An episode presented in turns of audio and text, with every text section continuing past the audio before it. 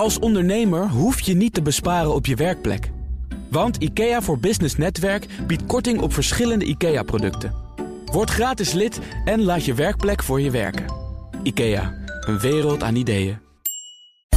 Dit is BNR Zaken doen voor economisch nieuws en zakelijk inzicht. De leden van het boardroompanel staan al te trappelen. Maar eerst schakel ik met Den Haag eh, naar onze politieke verslaggever Sofie van Leeuwen. Want er is een harde confrontatie geweest tijdens de algemene politieke beschouwingen. Wat was, Sofie, de inzet van de strijd? Ja, hi Thomas. Ja, dat was echt even vuurwerk in de Tweede Kamer. Uh, op zich goed nieuws. De zorgsalarissen gaan omhoog met 675 miljoen euro. Maar uh, ja, het kabinet zegt dat gaat uh, niet opgebracht worden door het bedrijfsleven. Niet via de VPB, de verhoging van de vennootschapsbelasting. Maar dat moeten de premiebetalers zelf opbrengen, 13 euro per maand. Terwijl de Tweede Kamer vorige week een motie aan heeft genomen van joh, hè, de bedrijven kunnen daar toch wel aan bij En niet de burger, want die heeft al zoveel problemen met de koopkracht. Nou, dat was echt even ruzie. Met name natuurlijk met de, tussen de linkse oppositie en premier Rutte, die hier op dit moment staat, zijn plannen te verdedigen voor de begroting. Um, is boos van de SP, Ploemen van de PvdA en ook Jesse Klaver van GroenLinks. De Kamer vraagt om de vennootschapsbelasting te verhogen.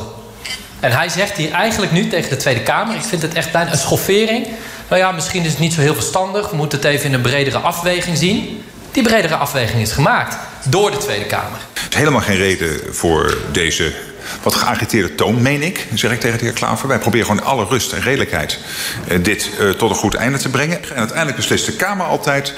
En de, de, de, regering heeft nog nooit zijn handtekening geweigerd onder een begroting. Uh, beslist de Kamer hoe wij dingen financieren. Ja.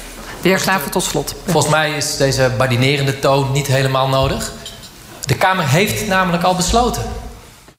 Op zich dus wel blijdschap hoor over die 675 miljoen euro voor de zorgsalarissen. Daar gaat het al heel lang over, sinds corona met namelijk. Um, maar goed, in ieder geval een inhoudelijk politiek debat weer op deze tweede dag. Ik zie dat je er zelf ook staat te kijken, Sophie. Een inhoudelijk politiek debat tijdens de beschouwingen. Maar nog ja. eventjes naar, naar waar hier de, de zaak over draait. Namelijk wie bepaalt. Hè? Als dat aan de Kamer is, dan wordt er gekeken naar of er een Kamermeerderheid is. Dus dan zou het alsnog kunnen dat bedrijven uiteindelijk deze salarissen gaan betalen. Ja, vandaar ook die boosheid. Want we hadden toch een nieuwe politieke cultuur in Den Haag. Daar hebben we het al zes maanden over. Ja, en nu blijkt, we hadden gisteren de coalitie doodverklaard. En de coalitie lijkt toch nog in leven te zijn. Want een van de indieners van de motie, uh, ook uh, als het gaat om dus de bedrijven die moeten betalen voor de zorgmedewerkers, dat was de ChristenUnie, Gert-Jan Segers. En die hoorden we zojuist zeggen premier Rutte mag ook ergens anders dekking zoeken voor deze plannen en deze salarisverhoging. Als een fractie recht van spreken heeft, dan, dan, dan zijn wij het. Als dan het kabinet zegt: geef ons nou even de gelegenheid om in het geheel van de dingen te kijken naar dekking, vind ik volstrekt normale omgang tussen kabinet en Kamer. En om het zo hoog op te spelen, dat vind ik echt misplaatst. Het lijkt wel alsof dan de dekking een doel in zichzelf wordt. Wat ik vier, is dat mensen die heel hard werken in de zorg en salarisverhoging krijgen, tegemoet kunnen zien. Natuurlijk hebben we discussie over de dekking. Natuurlijk had ik een eerste voorkeur en die hebben we opgeschreven. Maar als dan nu het verzoek is, geef ons de gelegenheid om daarover te praten in het geheel der dingen, zou ik zeggen. Okay. Die vrijheid geef ik het kabinet graag. Ja, in ieder geval geen steun voor het ordevoorstel van de heer Wilders, de heer Van der Staaij. Ja, Wilders die wilde erover stemmen, kreeg geen meerderheid. En er was toch wel veel ja, wantrouwen weer. En Rutte werd arrogant genoemd. En hij heeft natuurlijk ook weer die samenwerking nodig hè, van de Tweede Kamer. Want we zitten ook nog in die formatie die niet lukt. En misschien wil hij een minderheidskabinet. Dus dat zorgt weer voor heel veel vrevel hier in de zaal. Heel veel om ook later vandaag nog over te vertellen op BNR. Dank voor nu, Sophie van Leeuwen. Boardroom Panel. De rechter steunt de Hongaarse overheid die een stokje steekt voor de overname van de Oost-Europese tak van Egon. En aansprakelijkheidsverzekeraar CNE hoeft van de rechter drie oud-commissarissen van Imtech geen vergoeding te betalen voor de gemaakte proceskosten. Dat en meer bespreek ik in het boardroom panel. En daar is hier Tanja Nagel, bestuursvoorzitter van DSI, commissaris van EY Nederland, PNO Consultant en Uncode. En Jeroen Verkouteren, specialist op het gebied van fusies en overnames, verbonden aan Factor bedrijfsovernames. Welkom, fijn dat jullie er zijn. Goedemiddag, Thomas. Te beginnen in, in Hongarije, want uh, de rechter in Hongarije steunt de overheid die een stokje steekt voor de overname van de Oost-Europese tak van Egon door het Oostenrijkse VIG. Het is niet duidelijk waarom het Hongaarse ministerie van Financiën, of gaat het hier om het ministerie van Binnenlandse Zaken, die verkoop wil tegenhouden. Uh, Jeroen, weet jij wel wat er speelt? Nou, ik weet natuurlijk niet wat precies speelt in de Hongaarse regering. Maar ik kan wel wat uh, vermoedens uiten. Kijk, uh, net als in de Nederlandse politiek is voor de Hongaarse politiek natuurlijk wel van belang dat je niet een soort uh, partij bent die de uitverkoop doet naar het buitenland toe. En dus uh, Hongarije wil het liefst uh, dit soort transacties in-house houden. Dus binnen in het binnenland. Ja, de Hongarisering en, van de financiële sector die Nou ja, goed, in ieder geval, niet in ieder geval een uitverkoop aan buitenlandse partijen. Laat ik het dan omdraaien. En dat is natuurlijk wel wat zij denken te zien. En Egon, ja, die zoekt gewoon de, de hoogste verkoopopbrengst. En toevalligerwijs is dat ook een buitenlandse partij, een Oostenrijkse partij. Daar zijn ze mee in onderhandelingen. Daarmee hebben ze eigenlijk al een akkoord. En tegelijkertijd zegt dan de, de, de regering van... ook een beetje om goede sier te maken, werkgelegenheid.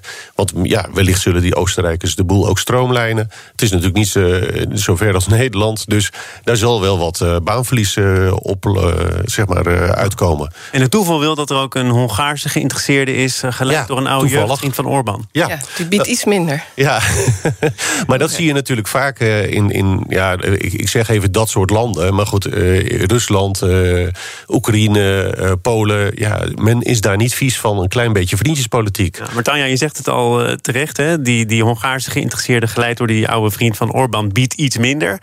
Um, ziet het er nu, als je kijkt naar hoe deze zaak zich ontwikkelt, toch wel naar uit dat, dat Egon dat verlies moet gaan nemen? Want ja, er wordt dus vanuit hogere sferen besloten dat die verkoop aan die Oostenrijkse partij er niet in zit. Nou ja, wat je ziet is dat de Europese Commissie al sinds 2017 uh, met een aantal onderzoeken bezig is. Dat duurt natuurlijk allemaal eindeloos. Uh, maar er zijn meerdere gebieden. Hè, als je kijkt naar die homo-wetgeving, en ja. daar vinden we ook allemaal dat dat niet kan.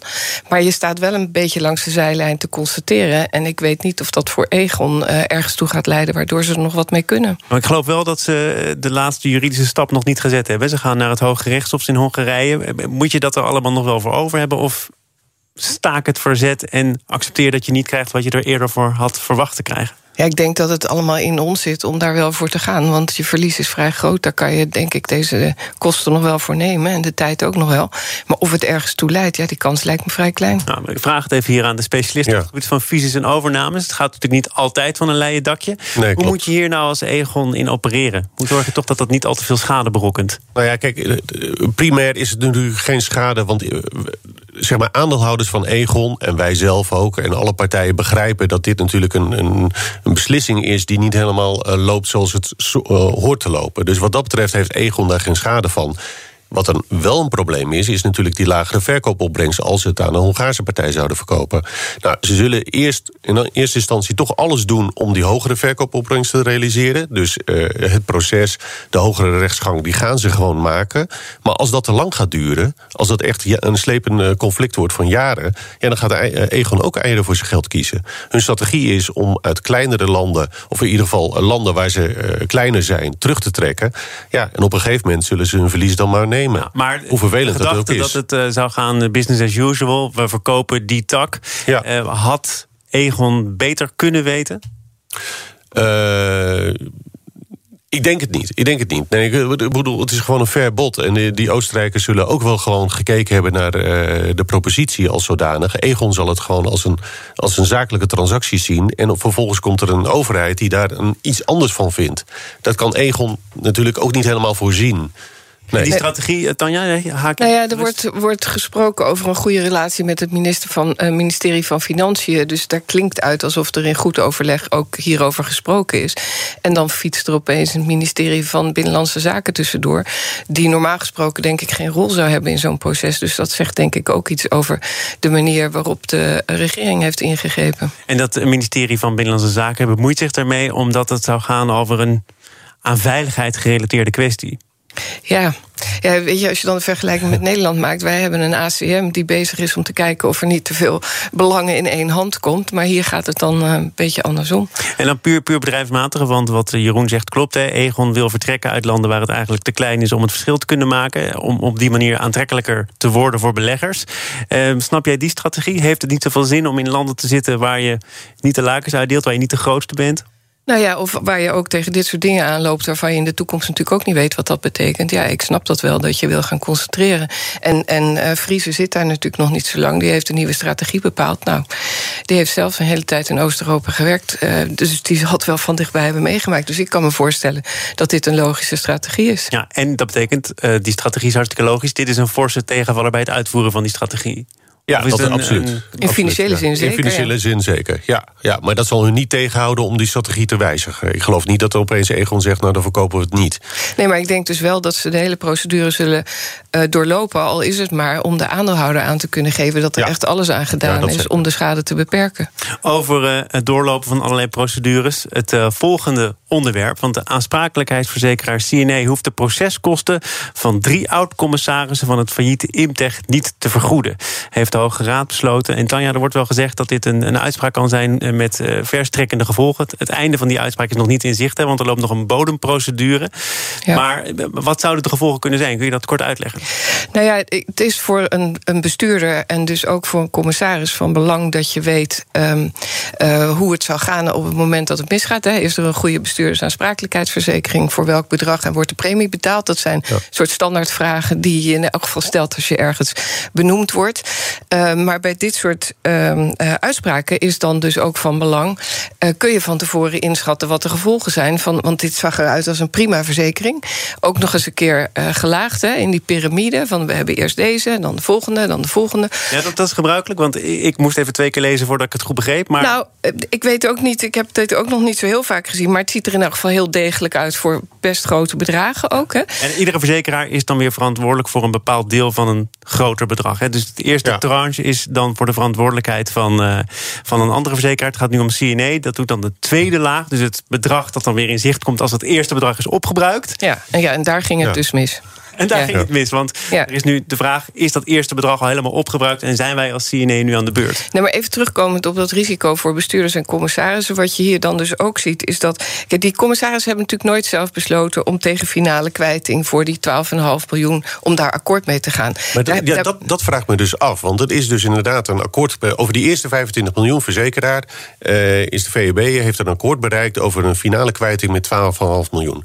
Maar zijn die commissarissen dan die zijn erin gekend, maar daar word je toch altijd juridisch in geadviseerd? Ja, daarom. Maar dan is het dus blijkbaar hebben iemand tegen de commissaris gezegd: Nou, dit kun je gewoon rustig uh, mee akkoord gaan. Want uh, die andere 12,5 miljoen krijg je. En nu blijkt dus dat, omdat die finale kwijting was, dan zegt de, de tweede verzekeraar zegt dan: Oké, okay, die 25 miljoen is niet opgespeerd. Dat jullie een finale kwijting hebben afgesproken, heb ik niks mee te maken. Ja. Dus ik keer niet uit. Ja. Ja, dat is wel een slecht advies dan. Daar moeten we het straks ook nog ja. even over hebben. Wel maar, in de uitzending. maar wat, wat ik... Oh, Thomas, hoi. Uh, wat ik wel uh, belangrijk vind om hier te zeggen... is dat als je als commissaris zo weinig zicht kunt hebben... op wat er in de toekomst gaat spelen... dit is natuurlijk ook extreem, hè? maar het kan dus kennelijk gebeuren... Ja. en dat je dan dus ook niet weet of jouw risico daarin voldoende is afgedekt... dit is gigantisch. Ja, maar daar ben ik het wel mee eens. En dat betekent dat commissarissen, voor welke klussen dan ook gevraagd worden, nog eens een keertje gaan nadenken over of ze dat wel willen nou, doen? Omdat het een waarschijnlijk risico... nu al voor de klussen waar ze bij betrokken zijn. Hè? Ja. Laten we nog eens even goed doornemen. En vinden we, die, vinden we die verzekering wel goed genoeg? Zijn de bedragen wel hoog genoeg? Dat soort dingen spelen er ook. En denk ik ook dat mensen zich toch gaan afvragen... is de risico-rendementsverhouding, hè, want zo redeneren meesten toch ook wel... ja, is dat dan wel logisch? En, en, en het, uh, zeg maar het, het maken van afspraken tegen finale kwijting bijvoorbeeld... ja, dan ga je natuurlijk ook denken van... waarom zou ik die afspraak überhaupt maken? Want straks in de toekomst word ik alsnog aangesproken... Ja. Dus uh, dat soort zaken. Maar, maar, daar zit de VEB dan weer tussen. Die zegt van ja, ja. dan maak ik die deal met jullie niet. Dus, nee, dus je zit dus, in, een, in een vergelijking met te veel ja. variabelen als commissaris. Ja. En dan nog even dat risico van die commissaris. Je staat er altijd verder van af. Dus de, het, zo dicht als het bestuur erop zit, zit je niet. Dus je moet ook accepteren dat je of later of minder diepgaand je, je informatie hebt. Ja, daar ben ik het wel mee eens. Maar betekent dat dan eigenlijk dat jij alle zaken tegen commissarissen ook maar zo zo vindt? Want die waren ook niet van alles op de hoogte. Die konden ook niet alles weten.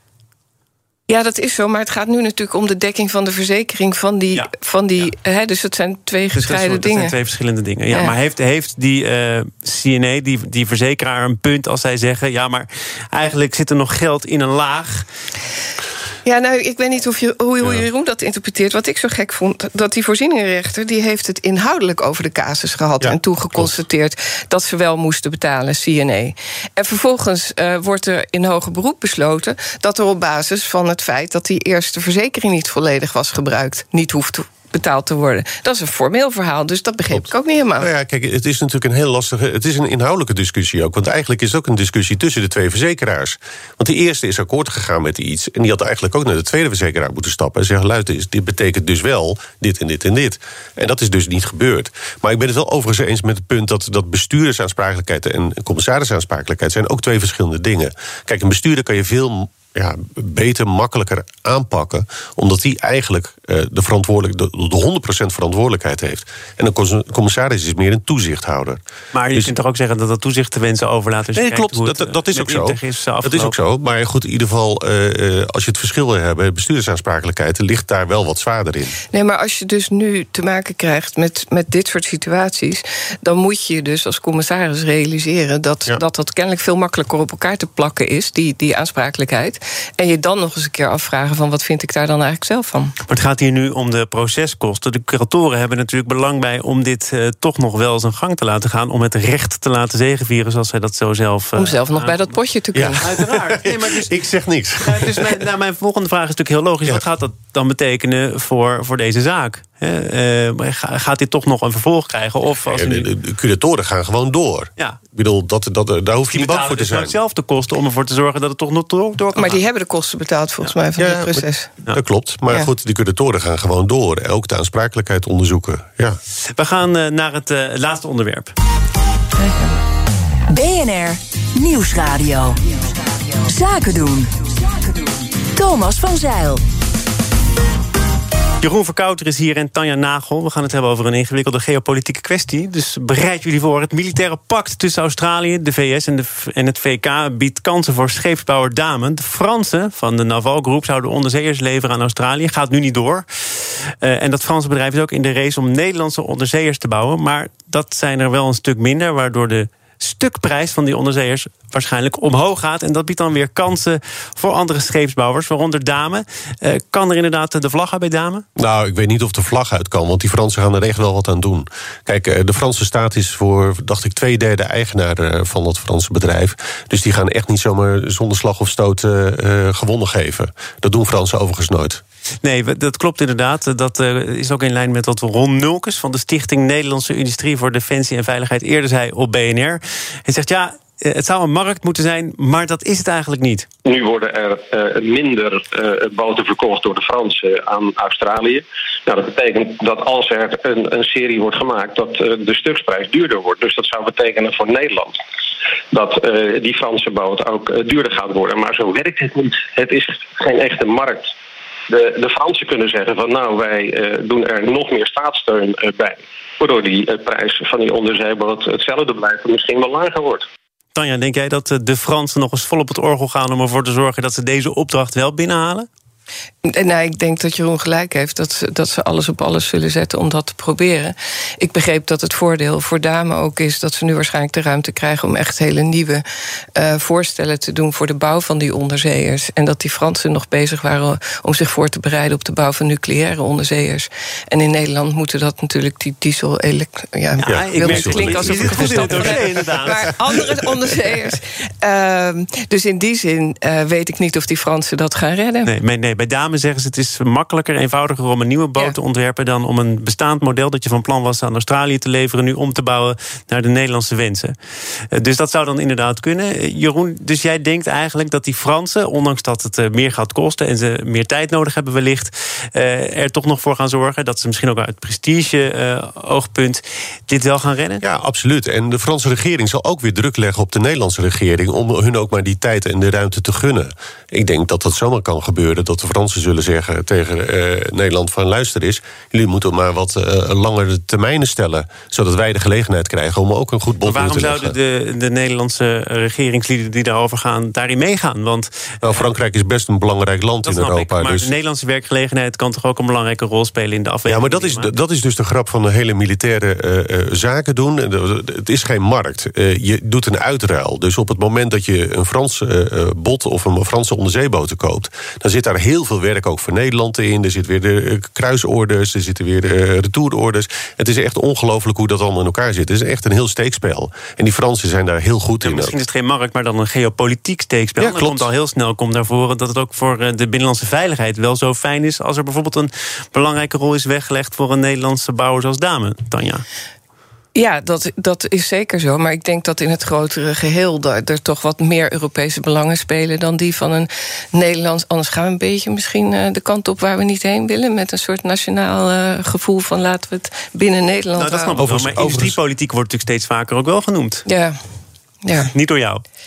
Nou, ik geloof, ik geloof niet dat je er zo naar moet kijken binnen de Europese banden die we hebben. Uh, het zou overigens denk ik wel weer een voordeel voor Thales zijn. Hè? Als de opdracht naar Frankrijk gaat, dan hebben we toch nog een beetje Nederlands. Nee, daarom. En, en overigens, uh, Dame doet het wel samen met Saab. En Saab is natuurlijk een Zweeds bedrijf. Ja. En, uh, nou, de laatste... doet het samen met IAC, dat is een Nederlands bedrijf. Ja, klopt, ja. Nee, goed, het is wat ik zeg. Het is allemaal, hangt allemaal samen met elkaar. Staan jullie er trouwens ook nog even afrondend van te kijken welke bedragen daarmee gemoeid gaan. Ja, ongelooflijk. Voor een paar onderzeeërs. Ja, misschien doe ik er nu te minnetjes over, maar het gaat om miljarden. Ja, dat weet ik. Ja. En je moet ervan uitgaan, we hebben vier onderzeeboten uh, dan, uh, nu, al, nu al. En daarvan vaart er eigenlijk eentje, want de rest is of in onderhoud of ergens in revisie. Of in, het is bizar. Nou, het is heel bizar. Ja, die nucleaire die kost 12, wat is het? 12 van die dingen voor 35 miljard klein, fijn, snel. Ja. ja en ze, hoeven eigenlijk uh, wat, wat minder vaak naar boven te komen. Hè? Ja, nou, dat, ja. En dat, zou dat is natuurlijk wel handiger daar. Ja. Uh, voor een onderzeeër misschien wel praktisch. Australië en China is best een uh, eindje varen. Het onderhoud met jullie was weer buitengewoon genoeglijk. Tanja, ik weet toevallig dat ik jou snel weer zie. Ja, volgende, week, week, hè? Meerdere keren. Nou, Jeroen, jij ook niet. tot snel. Dus Tanja Nagel, tot volgende week. En Jeroen Verkouteren, fijn dat je er was. Ook tot snel. Zometeen de nieuwsupdate van half twee. En daarna gaat het over de Nederlandse markt voor online kansspelen. Want daar verandert vanaf 1 oktober eh, zeer veel aan. Een kleine update maakt een wereld van verschil. Daarom biedt IKEA voor Business Netwerk gratis snelle interieurtips en ideeën. Word gratis lid en laat je werkplek voor je werken. IKEA, een wereld aan ideeën.